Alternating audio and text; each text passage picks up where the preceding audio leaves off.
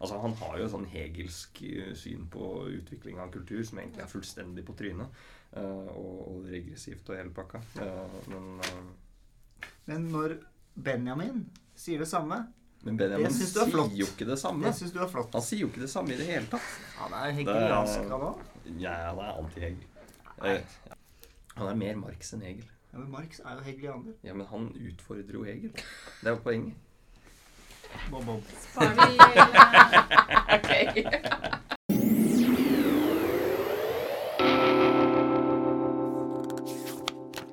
Kjære lyttere, medborgere, medmennesker, bokvenner og, som Kanye West pleier å si, motherfuckers. Velkommen til denne episoden av Bladpodden. vi skal snakke om klassikere. Men først eh, Vi har med oss eh, redaktører. Vi har med oss eh, tidligere redaktør òg, eh, Live Lund, og eh, reportasje-feature-journalist for blad. Um, men vi skal først snakke om hva dere leser for tiden. Kjære lytter, medmenneske, medborger og bokvenn. Velkommen til denne fotnoten. Som vanlig kan du spole helt til slutten av episoden for å få med deg hva folk leser for tiden. Denne fotnoten har ingen sponsor, men det er en verdifull fotnot. Ok, Første spørsmål. Hva skal til for at en bok kan kalles en klassiker? Live, hva fant du ut i din reportasje eh, sist forrige blad? Dette, dette, var en reportasje som hadde sitt utspring på kjøkkenet til Eirin, som sitter her. Eh, vi flådde tomater til en Hva var det vi lagde? En vegetarcurry. En vegetarcurry. Mens eh, denne samtalen spilte seg ut. Jeg tror det var Even som lo ordene falle. Ja, selvfølgelig er det jeg som er skyldig. Odysseen er ikke en klassiker. Hvorpå jeg tror Thea Baugstø parerte 'Wuthering Heights' er en klassiker. Og jeg tror ingen av oss nødvendigvis eh, mener det som ble sagt der, men, men vi, det fikk fram at ordet klassiker blir brukt på en helt annen måte enn en det, det som er, ligger i klassisk, da, altså den antikke arven. Og at i dag slenger vi jo om oss mm, med klassikerbegrepet mm. med en gang noe bare eh, er eldre enn fra i fjor, og du fortsatt syns det er relevant.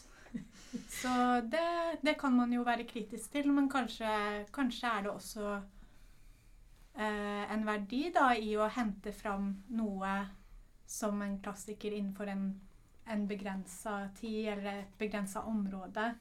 F.eks. en begrensa sjanger. Uh, ja. Så det, det snakka vi med litteraturprofessor Tone Selbo om. Og forlagssjef i Skall forlag, Simone Stibbe. Og så et e-postintervju med Lars Aabye Christensen fikk vi inn mm. på slutten der. Men hun ble ganske paff, hun Selbo, ble hun ikke det? Da, ja. da hun sa at Odysseen ikke er en klassiker? Hun ble eh, paff et lite sekund, men så, så ble hun mer sånn moderlig eh, overbærende. sånn søte dere. det er hyggelig, da. Men det er, det er jo som du sier, det er forskjellige, forskjellige betydninger på en måte av klassiker, eh, og hva man kan legge i det. For det, altså, de, da, hvis man googler, eller søker på klassiker og sjekker ordboka, Den norske akademis ordbok, så er det sånn klassiker Eh, så kommer dette med klassisk antikk, gammel gresk litteratur, og så står eksempelet 'Odysseen er en klassiker'. det var bare helt på tvers av det Even og det vi har snakka om. Ja. Men, men, så er det på en måte For det vi har tenkt da, i starten av arbeidet med avisa, var eh, klassiker litt som på en måte en kontrast til kanon. At der du har kanon som er på en måte litt for de virkelig litteraturinteresserte, og man leser kanon og de kjente verkene. At klassikerne var liksom på en måte litt mer sånn ikke, ikke best of, men det som folk, andre mm. folk også leser. Og da var påstanden at folk flest leser ikke Homer, men folk flest har kanskje lest Woodring Heights.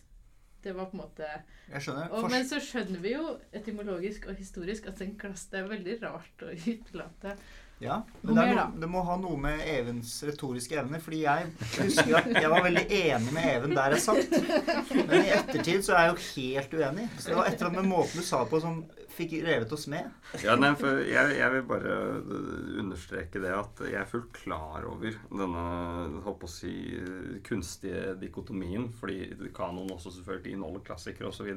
Men det jeg tenkte på når det kom til Homer spesielt, og liksom, altså den antikke litteraturen, eller den klassiske litteraturen om man kan si det sånn, er at den kanskje måten, eller det å omtale den som klassikerlitteratur på et eller annet vis forutsetter at man har den klassiske litteraturen present i sin hverdag som lesende levende menneske, sånn som f.eks. For en forfatter som T.S. Eliot jo åpenbart har, fordi han er en klassisist eh, som forholder seg til disse tingene. Og da, men det handler jo om begrepsavklaring og hvordan man forholder seg til begrepene. Mens det jeg tenkte på da jeg der sannsynligvis på vei til å bli litt full og ganske sulten, uh, og i godt selskap, uh, var ute etter, var det som uh, som jeg sa til Ulla tidligere i dag også, mormora til kjæresten min, som er 86 år gammel og med i en lesesirkel, ville omtalt som en skikkelig klassiker.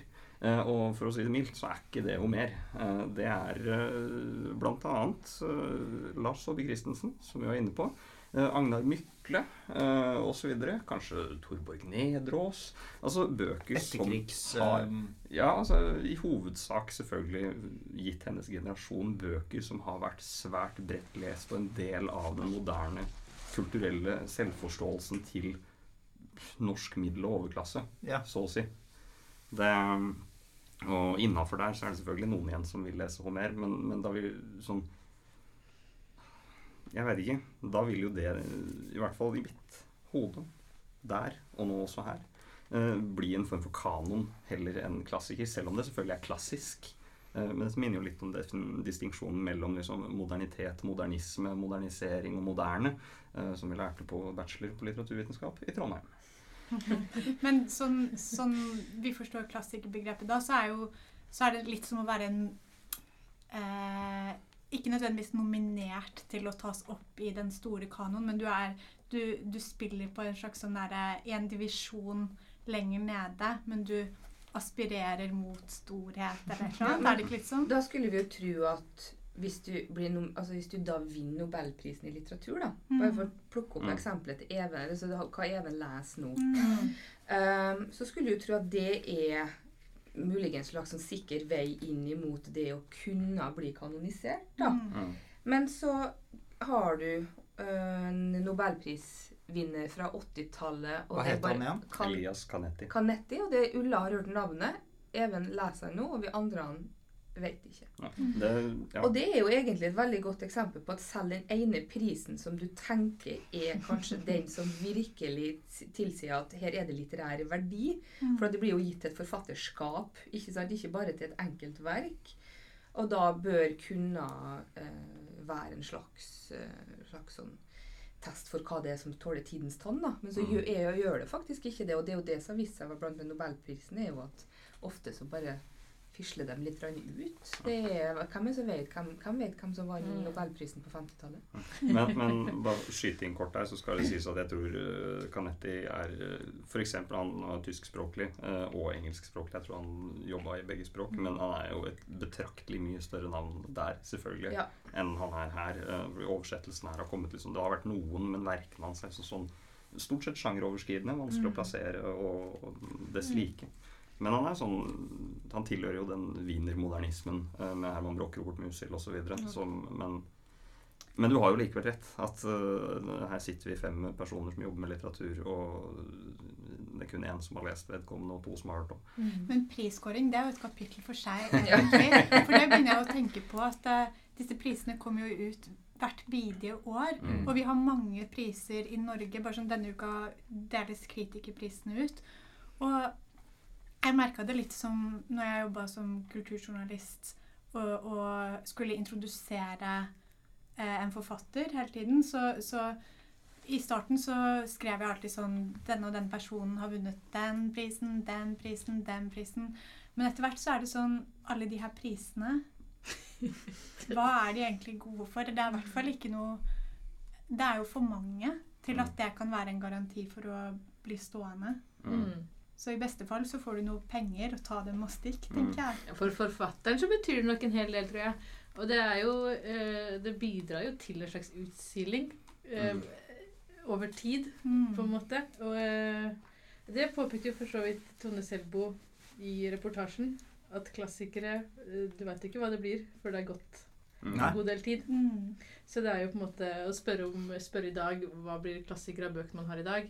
Det er jo et håpløst prosjekt, Mm. sjøl selv om det er litt gøy å holde på med. Og det blir blir jo bare flere og flere forfattere, sånn som den 'Dancing Boy'. Jeg husker ikke hva hun heter, hun som har skrevet den. Sara Johnsen. Plutselig dukker det opp et navn jeg aldri har hørt om før. Um, og de bare, det vokser jo og vokser jo bare. Det blir Mm. bare mer og mer forfattere å forholde seg til. Nye stjerner på himmelen. Men, men hun er jo til gjengjeld altså Hun debuterte jo sånn 2008 eller 2006 eller noe. Ja. Det, og har jo jobba med film hovedsakelig. Ja. Så, så det er ikke så rart at du Nei. ikke har hørt om henne som forfatter.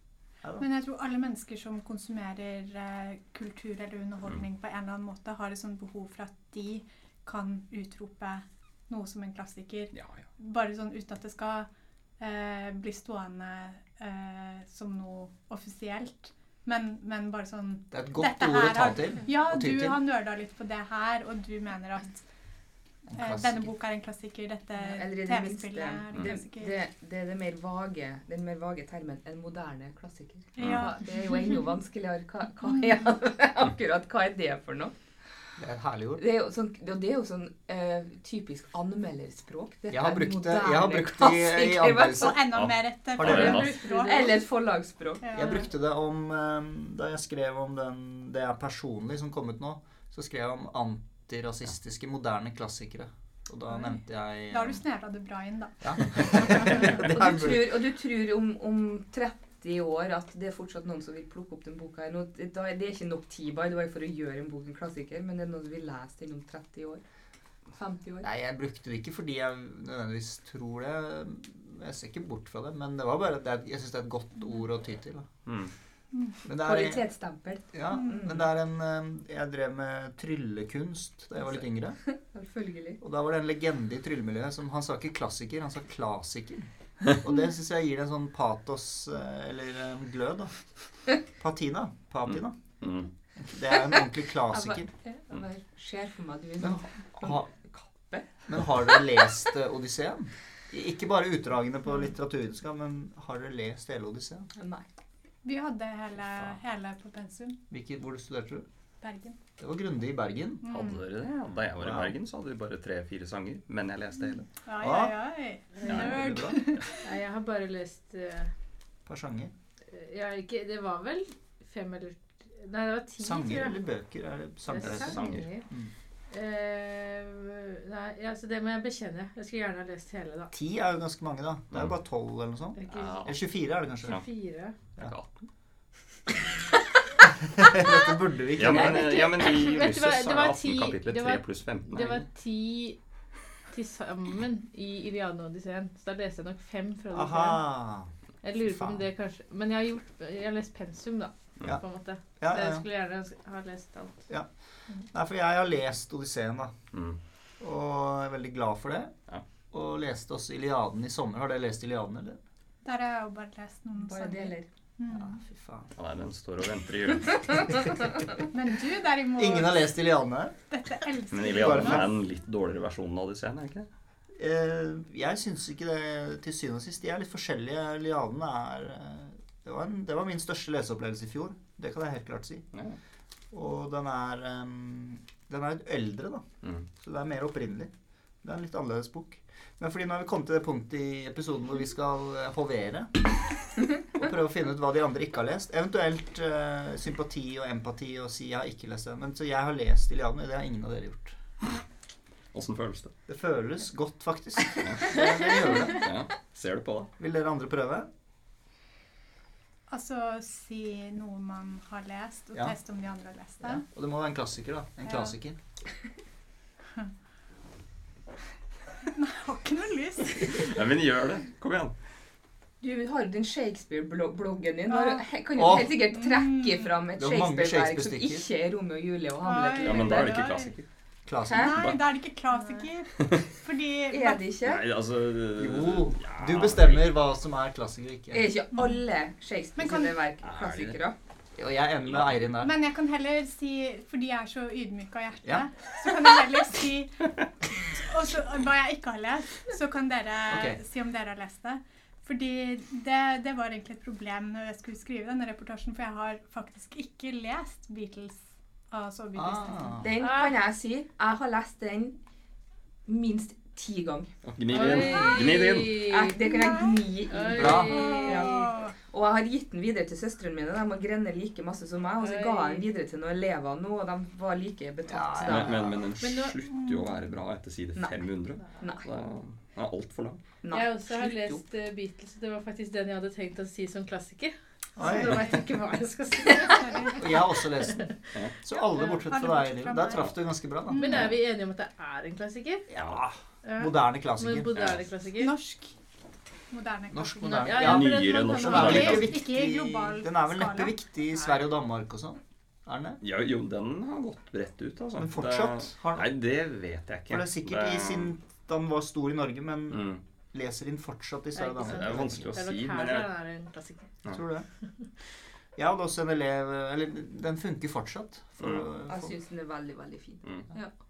Jeg var helt opptatt av den på ungdomsskolen, så så jeg leste den flere ganger. Og så leste jeg den på videregående òg. Og så plukka jeg den opp igjen. Tror jeg leste den et par ganger i 20-årene. Så leste jeg faktisk nå på nå nylig sammen med en elev igjen. Nå Så kult. Mm. Mm. ok, hva er det dere andre?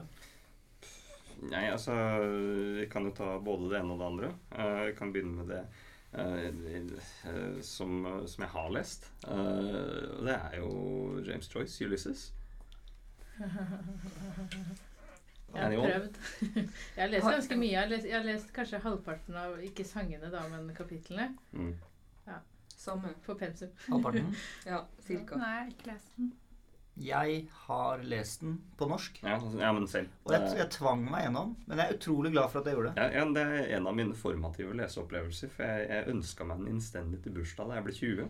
Eh, og så fikk jeg den, og så brukte jeg hele sommeren uh, Ja. Jeg har bursdag på starten av sommeren. Og så brukte jeg hele sommeren på å lese den. Jeg leste hver dag, og jeg tror jeg brukte to eller tre måneder. Ja. Uh, men det var, det var verdt det. Det er for øvrig litt samme måte jeg har hatt det med Trolldomsfjellet seinere. altså, en grufull, men fantastisk leseopplevelse. Men som jeg ikke har lest, eh, som vi er inne på her, det er jo Prost. Eh, som, som er noe jeg ikke akkurat skammer meg over, men, men som, som føles som en unnlatelsessynd. da. I hvert fall ett vin. Samme. Men for meg, det, for meg jeg, det, det har med tid å gjøre. Jeg forstår ikke når jeg, hvor altså det er ikke, når jeg føler at det er en bok jeg ikke kan bare ligge og lese sånn i 20 minutter fra jeg sovner om kvelden. Det er et eller annet med at jeg føler at den trenger altså Skal jeg gå inn i et sånt et verk, at jeg må rett og slett ha litt tid til å være der. Mm. Du må spore opp den tiden Å, kjære og ta, vene. ta deg tid på Ja. sporet av den tiden. Nei, ikke Jonas. Det siste begynner er en gjenfunnet tid. er? Men uh, du ler litt så nervøst nå, Ulla. Fordi har du lest Prost eller ikke? nei, Jeg Nei, jeg, nå sier jeg det samme hver gang. Jeg har lest det jeg har hatt på pensel. Det, så jeg har lest, jeg har lest uh, 'Veien til Swan'. Er det ikke det som er første Ja. del? Er det ikke Combray som er første? Ah. Jo, Combray og så Veien til Swan. Ja, men jeg har lest begge de. Da har du lest. Da kjenner du til Ja, ja, Prost, ja. Og jeg har likt det godt. Og så er det som Eirin Ja. sier uh, ja. Combray er denne lenge gikk jeg tidlig til sengs. Ja. Mm. Mm. Det er samme jeg har lest først. Det er ett bind på norsk. Mm. Mm. Ja. De Ja, jeg, jeg, jeg har lest den boka på Mm. Ja, norsk. må du lese litt Prost. Ja. Men man har jo ikke lest alt. Det er ganske mye igjen. Det er det. Mm. Eh, det er det. Jo, jo, men, men å lese da, Jeg tror Roland Barth innrømte den gang at han ikke hadde lest ut Prost. Så, Mm. og på en måte er det en ting som er Roland Barths jobb, så er det å lese ut Prost. Så altså, man gjør ikke Takk, nødvendigvis det. Min tur. Ok, jeg tenkte på ei bok som jeg satte veldig stor pris på. um, men som jeg antok at dere ikke har lest. Mm. Og det er Vines in Furs' av Leopold von Saker Masok. Han er på lista. Hva het den? Vines in. Furs'. Venus i pels. Å Venus i pels. Og den har jo sånn kulturell Den kom jo ut 1870, vel. Og sånn, sånn kulturelt så har den jo egentlig hatt veldig stor påvirkning. Altså det er, det er vel Altså igjen, du har jo Velvet Underground, selvfølgelig. Men, mhm. men du har jo masochisme kommer jo derifra. Mm. Uh, og så har du et utrolig bra stykke til, til David Ives som heter 'Venus in Fur', som switcher om på hele dynamikken. Mm. For her handler det jo om en ung mann 'Venus in Fur, han handler om en ung mann som, som eh, forelsker seg i uh, ei, eldre kvinne og, og utvikler da et eh, et sadistisk eller masochistisk forhold med denne kvinna, hvor han lar hun få lov til å dominere han. Og så, men eh, David Ives sitt stykke spiller på det her og er veldig en sånn moderne kvinne-mann-dominanssituasjon hvor eh, du har den psykologen da, som må dominere kvinna gjennom sitt virke, men lov, mens han, han, hun spiller en joke på han. Altså det, det er, hele dominansen blir en vits til slutt. Da. Det er et veldig godt, så er det jo um, en god um, Polanski har laga film av den, som er veldig, veldig ja. god. Um, ha, ha, jeg har ikke lest den. Nei, men uh, har noen dere lest den? Nei. Nei jeg, jeg anbefaler både boka og jeg så 'Venus in Fur' på West End i London for noen år siden. Mm. Og anbefaler også den polanske filmen. Og sangen er veldig Og sangen er fantastisk. Første gang jeg var i Berlin, så traff jeg en svensk forfatter eh, som hadde skrevet en bok som het 'Stockholm i pels', som var inspirert av den. Mm. Um, det høres ikke like bra ut. Pels! Ja, men, men er, det, er, det, er, det, ikke noen som har opererer med begrepet 'a minor classic'? Eh, eller, eller, er det classic de bruker? Er, jeg tror det er Deleuze, Deleuze, Deleuze og de. Ja. De, de bruker, ja. Kafka er en sånn minor Ja, det er for, for en mindre litteratur, ja. vel, eh, men jeg har ikke lest. Nei, det er kanskje ikke klassiker de bruker der, men ok. Ville vi da putta Kafka i en sånn minor literature. Ja, men, føler... men Beatles er Lars Saabye Christensen.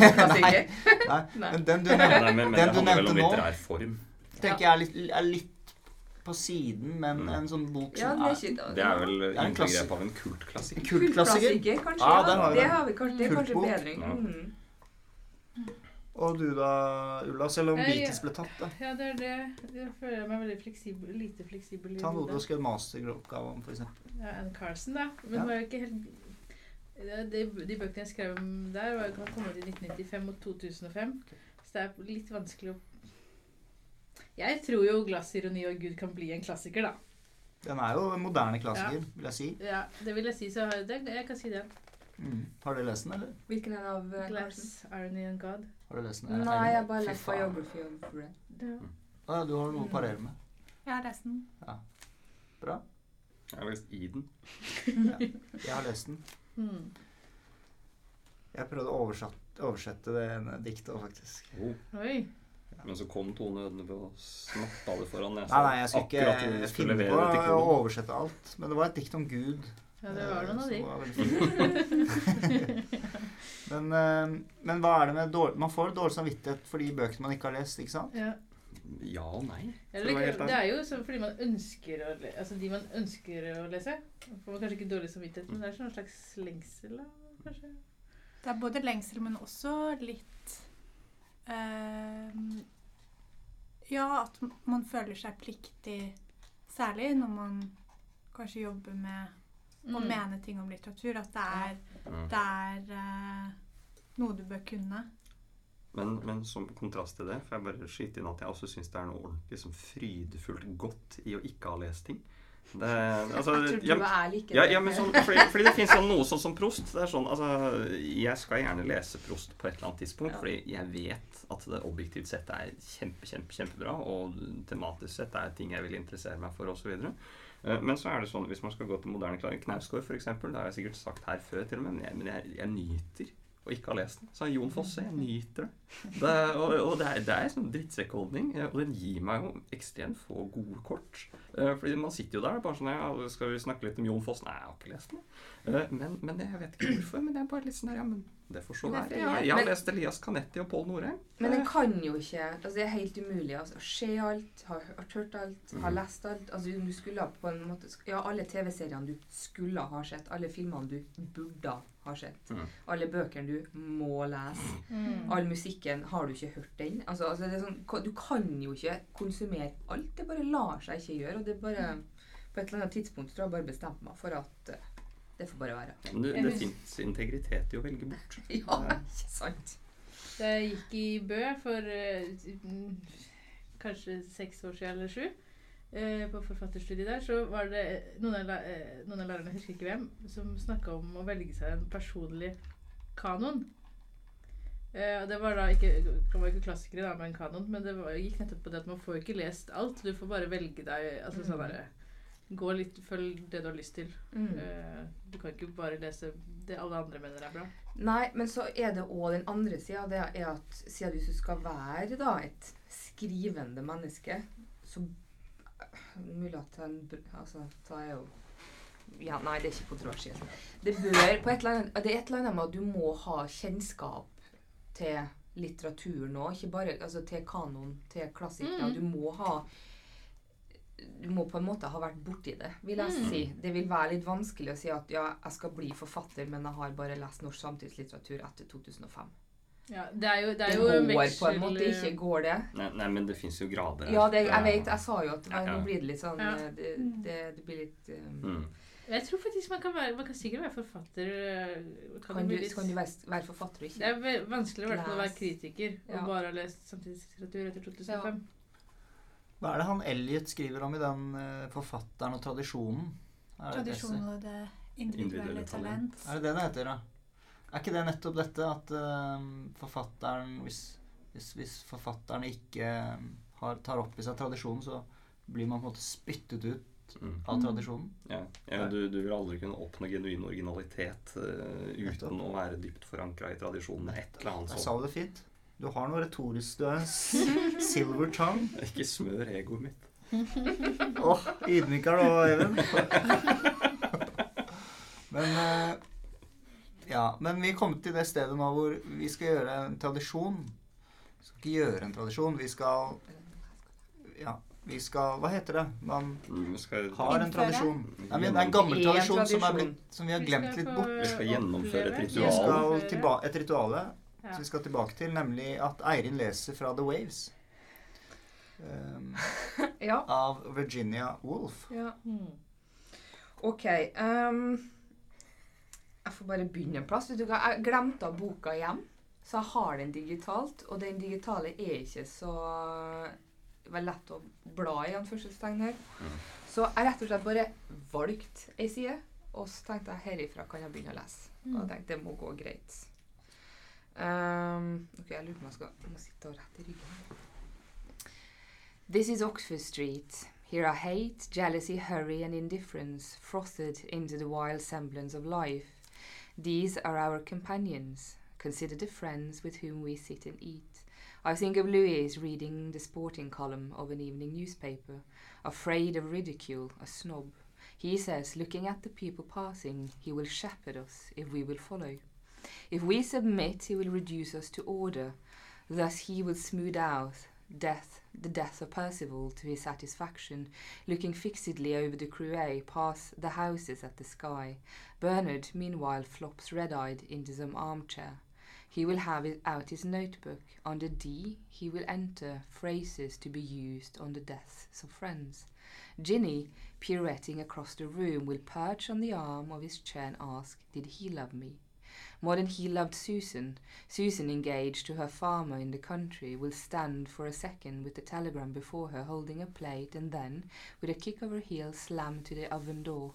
Neville, after staring at the window through his tears, will see through his tears and ask, Who passes the window? What lovely boy! This is my tribute to Percival. Withered violets, blackened violets. Where shall I go then? To some museum? Where they kept where they keep rings under glass cases, where there are cabinets and the dresses that queens have worn, or shall I go to Hampton Court and look at the red walls and courtyards and the seemliness of herded yew trees making black pyramids symmetrically on the grass among flowers? There shall I recover beauty and impose order upon my raked, my dishevelled soul. But what can one make in loneliness? Alone I shall I should stand on the empty grass and say, Rooks fly, Somebody passes with a bag. There is a gardener with a wheelbarrow.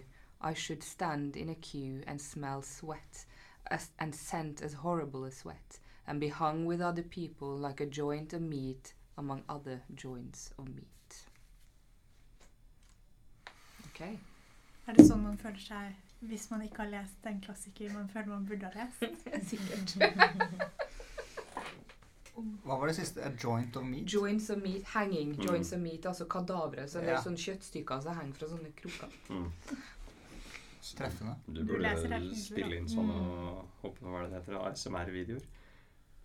Hva for noe? Det er sånn der, sånn der det, det, Hva er det det heter for noe? Sånn, lydbok? nei, nei, det, det, det der sånn, sånn som sånn, sensitive folk ser på for å slappe av og sånn. Mm. Hvor, de, hvor de blir sånn stimulert av lyd, og, og folk som Sånn- knar Sånn deg og sånn. sovekassetter? Ja. Kassetter? Sovekassetter. Jeg fikk ikke med meg hva du leste, men det var ytterst behagelig. Mm, Jeg kunne satt på det her hvis jeg sleit med å sove. altså. Ja, kanskje vi må, det, nye, det er det jeg skal gjøre neste år. da, Sånn Ok, frilanser, sånn, sånn, sånn soveterapeut. Ja. ja. Men du har, jo, du har jo snakket om The Waves flere ganger, og den har dukket opp flere ganger. Og det er en bok jeg nå Jeg eier den boken. Jeg har den hjemme. Arvet den av bestefaren min. Ikke verst. Den fant den i pod, ikke podcast, i pockethyllen hans. Sammen med Kurt Vonnegut, norsk? Philip Roth, Evelyn Waugh og Somerset Maugham. Den er på engelsk. Evelyn Waugh. Å, den er fin. Men jeg, jeg, det er jo en veldig spesiell bok. Mm. Fordi klassikerne til Wolf det må jo være To the Lighthouse og Mrs. Dalloway. Det er de største, er det ikke det? Ja. Og så har du den derre Orlando. ja. Mm. Så denne føler jeg er sånn mer liksom edgy. Ja, og den er mye mer eksperimentell enn mye av det, av, altså mye av det andre. For hun har en veldig spesiell eh, altså fortellerteknikker. Altså hvem det er som prater 'Here I shall sit'. Altså 'I'm not sitting, but here I shall sit', eksempel. Så det er en sånn veldig Sånn arkaisk, er det? Ja, det, jeg vet ikke. Altså, det Musikalsk, i hvert fall. Ja, det er det. Um, um, I, altså, det er som om hun prøver å skrive ned tankene i det Altså, ideen gjør Altså, har dem Du kan jo tenke deg, da, hvis du står foran en utekafé, og så tenker du istedenfor altså, 'jeg skal sitte der', er det du tenker. Så du skriver den handlinga før du da eventuelt setter deg ned. Så 'Here I shall sit, and here I will drink coffee', instead of 'I'm going to sit there and I'm going to drink a coffee'. sånn, Så det er veldig sånn som om tank, det, Hun skriver heller ned tanken som den der handlinga, da. Ja, en veldig spesiell måte. Mm. Og jeg vet ikke hva teknikken egentlig kalles. Burde ha sikkert funnet Mm. ut av det. Det er sikkert et navn på det. Men har dere lest The Waves, dere andre? Jeg har ikke lest den. da. Men jeg gleder meg til å lese den. Jeg har sagt det i mange år nå. Og den må egentlig leses høyt, og det tror jeg jeg har sagt flere ganger. Og det, ja, det er litt sånn som poesi som egentlig ikke gjør seg ved å sitte helt stille og bare lese det. Eller jeg får i hvert fall ikke til hvis jeg skal lese av poesi, så må det må liksom litt ut for at det skal ha verdi. Så jeg sitter og mumler for meg sjøl. Mm. Ja. Jeg leste den på norsk, Ja. men da, og jeg lagde en eh, adventskalender til en venninne en gang med, med liksom en setning for hver dag fra bølgene. da. Og det er For jeg, jeg klarer ikke å gjenkalle egentlig hva handlingen Nei. er, selv om det er jo i hvert fall Mm. Det eh, er, men, ja. men det er veldig mange det er jo et liv. spesielle Mm. setninger. Ja. Mm. Veldig mange spesielle setninger. Og det starter jo når de er med på en sånn kostskole. Uh, hvis jeg ikke tar helt feil. Og så avslutter det jo med Bernard som er på den båten, eller en av de siste kapitlene. sånn This is my life, sier han på, helt på slutten der. Da Han han blitt en eldre mann. Så det, tar, det er jo hele livet deres. Og så Mm. har du sånne interludes hvor bølgen eh, trekker seg opp, og så trekker den seg tilbake. Eller den, går opp og sånn opp over the, the pebbles, altså på stranda, og så trekker den seg tilbake. Og slik går på en måte livet. Og vi er, og så er vi opp og inn i lyset, og så trekker vi oss tilbake inn i den store massen som er de ikke-levende. Altså det er, mm. Men det er på en måte vennskap mye Ja, som det, er ja det, det er et som vennskap. holder det sammen. Mm, Ja. de Og så er det Percival, som er den, der, den eh, personen som du aldri får kjennskap til, men som alle sammen er veldig opptatt av. Men så dør han. Eh, og det er akkurat det som har skjedd i det jeg leste her nå, så har han akkurat dødd. da. Mm. Eh, og da dreier det seg veldig mye om han de snakker om, og de tenker om, men han er aldri til stede. Den derre jeg vet ikke, den Godot-aktige figuren Ja. som er til stede, som alt sammen dreier seg om. Um, men som aldri egentlig uh, utgir seg, eller får lov til å på en måte manifestere seg i livet deres. Mm. Jeg har lest The Waves. Uh, og som livet Det er vanskelig å huske. Det er veldig vanskelig å huske. Men jeg husker jo veldig de der skiftningene mellom personene Mm. fram og tilbake, og hvordan det veves sammen. Og Mm. jeg leste det her eh, på tog. Jeg tok tog til og fra Istanbul, så det var en ganske lang togtur. Eh, jeg brukte ikke hele togreisa på den boka her, men eh, det var liksom noe med Jeg fikk ikke lest det høyt, da. Jeg leste vel inni meg, regner jeg med. Eh, men bare det at liksom landskapet skifter utafor. Du sitter der og sitter der og sitter der. Mm. Og liksom, det var noe med den langsomheten som også jeg syns passa fint mm. til uh, Ja, for det er veldig ja, Til lesing generelt, da. Det er langsom roman. Ja. Mm. Mm. Nei. Det føles det godt å ikke ha lest det? Nei, det gjør det ikke. uh, nei, men Nei, for, nei, for Virginia Woolf er en av de eh, som er på den lista av forfattere som jeg setter enormt høyt, men, men som det er lenge siden jeg har lest. Det, og, og, så har jeg ja, en tendens til å ikke lese det folk ber meg om å lese. Det, men det står på lista, rett som det er. Ok. Dagens siste spørsmål er et viktig spørsmål som de stilte hverandre langt tilbake i tid. Eh, utgangspunktet i Vergils 'Aneiden', som T.S. Eliot da holder frem som eh, den store, ultimate klassikeren. Eh, Aneas og Dido Spørsmålet var er det riktig Var det riktig av Aneas å forlate Dido for å dra og grunnlegge Roma? Og Dido tok jo livet sitt fordi han dro fra henne.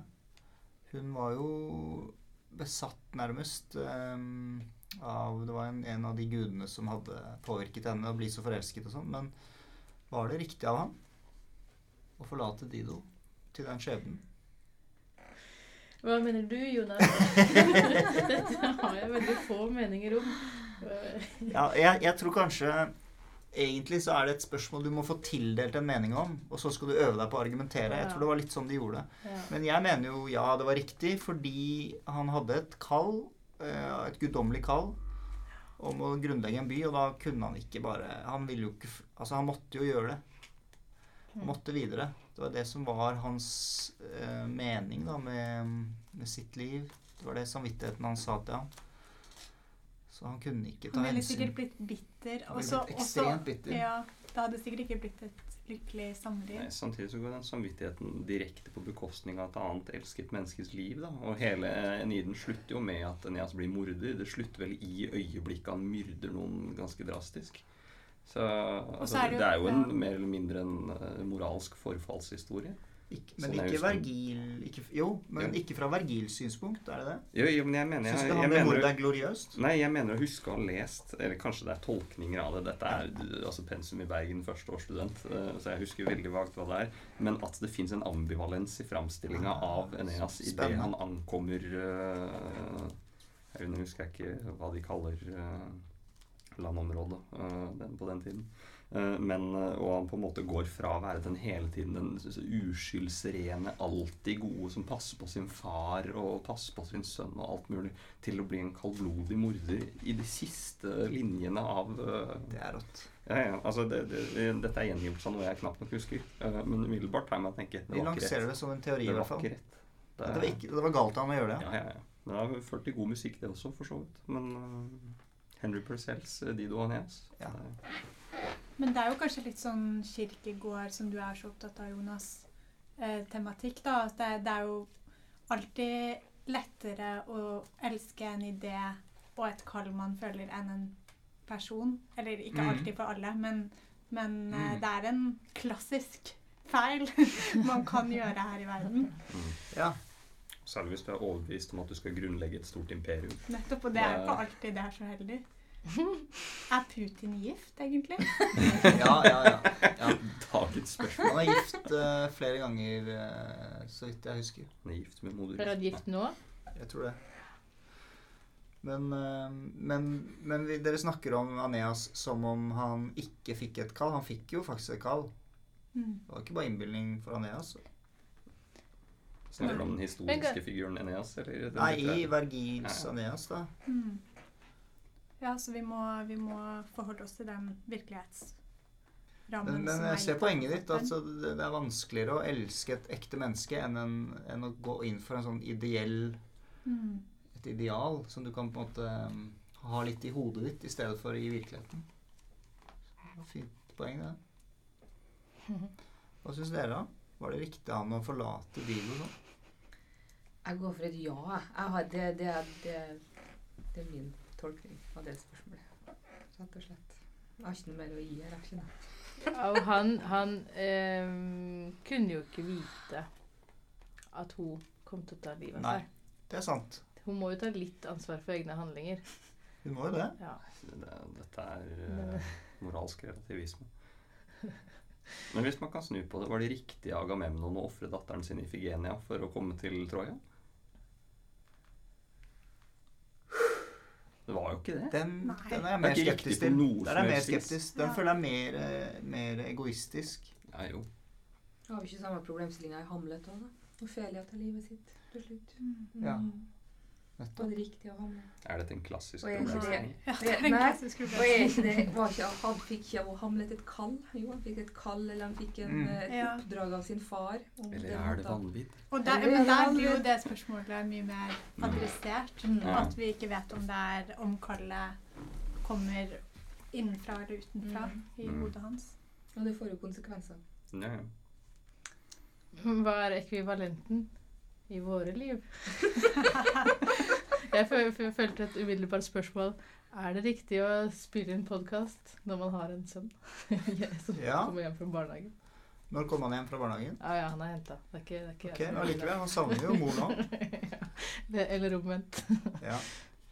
Å, nei, unnskyld. Jeg skulle bare si at min favorittproblematisering av det spørsmålet er i Lille Eyolf av Ibsen. Ja. Hvor han, eh, faren til Eyolf skal skrive Han klarer liksom ikke å elske Eyolf sånn som Mm. han trenger det, men han skriver en sånn svær avhandling som heter 'Om det menneskelige ansvar'. Ja.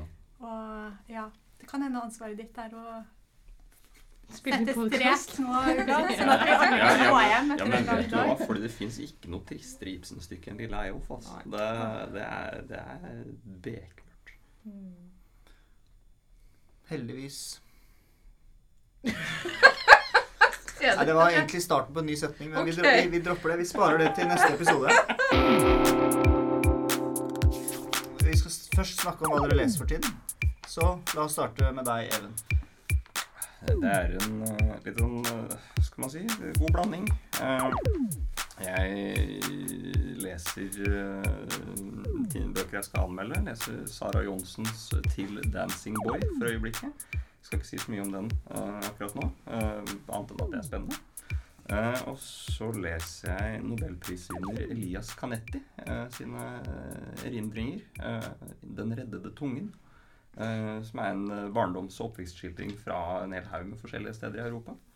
Strålende. Jeg har aldri hørt om Canetti. Har dere andre hørt om han? Nei. Hørt navnet. Når vant han nobelprisen? Eh, 81, tror jeg. Fy faen. Det, det er en utrolig spennende livshistorie. Det er verdt å lese. Ja, ja. Hva leser du da, Ulla? Vet du, jeg, akkur akkurat nå, hvis jeg skal være helt ærlig, leser jeg ingenting. Mm. Men jeg har lest ut tre, bøk tre bøker de siste fire dagene.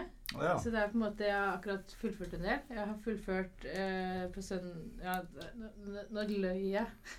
jeg følte det var mandag, men det er onsdag. Eh, de siste seks dagene har jeg lest ut tre bøker. Jeg har lest ut Kristin Vego sin eh, debut novellesamling. Eh, den likte jeg veldig godt. Og så har jeg lest Ingrid Seth Aanestad sin nye essaysamling som heter Heim. Den også hygga jeg med. Med. Og så har jeg lest ut en bok jeg har anmeldt, eller som kommer nå denne uka her. Sunniva Ly Akselsen, 'Invictus'. Hm. Så det har vært mye samtidslitteratur på meg i det siste. Virkelig. Mm. Og en av de som ble nominert til Tarjei Vesaas debutantpris. Mm. De er det jo viktig å lese. De nominerte, er det ikke det? Jeg, har ikke, jeg har ikke hatt for vane å lese alle sammen. Nei. Eller det har jo hendt litt tilfeldigvis. Men eh, det er jo spennende å følge med på. da. Ja, det er litt spennende. Mm. Ok, Eirin. Ehm, greier ikke lese så mye for tida, rett og slett. Så jeg gjør et lite forsøk. Så det er Sheila Hettys 'Pure Color', som akkurat er kommet ut. Ikke, hun ble vel egentlig kjent da hun ga ut en bok for noen år siden som het 'Motherhood', som jeg ennå ikke har lest. Så tar jeg min første lesing av henne.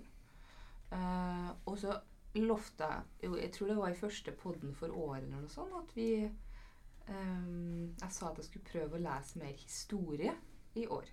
Så jeg gjør et lite forsøk nå. Så jeg driver og leser en bok om USA på 90-tallet, i mellomkrigstida mellom Berlinmurens fall og 11. september. Og de, det er jo en sånn, sånn slags vakuumtid, egentlig. Det er eh, Sett bort ifra en del ehm, en, par, noen, noen, spesifikke hendelser, så er det jo egentlig forholdsvis fredelig tiår. I hvert fall sammenligna med kalde krigen og det vi ser nå, eller skjer etter 11.9. Jeg har ikke kommet så veldig langt, og jeg greier ikke å komme på forfatterne akkurat nå. Så det er veldig dårlig av meg. Men 'America Between the Wars' heter boka.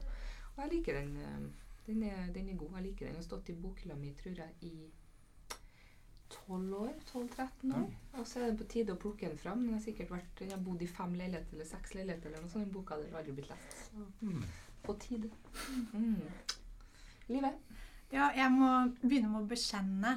Har jeg allerede orientert Jonas om. Fordi sist jeg var i Bladpodden og ble stilt det samme spørsmålet, hva leser du for tiden, så, så leste jeg hadde jeg akkurat begynt å lese en bok, og jeg har ikke lest noe videre i den siden da.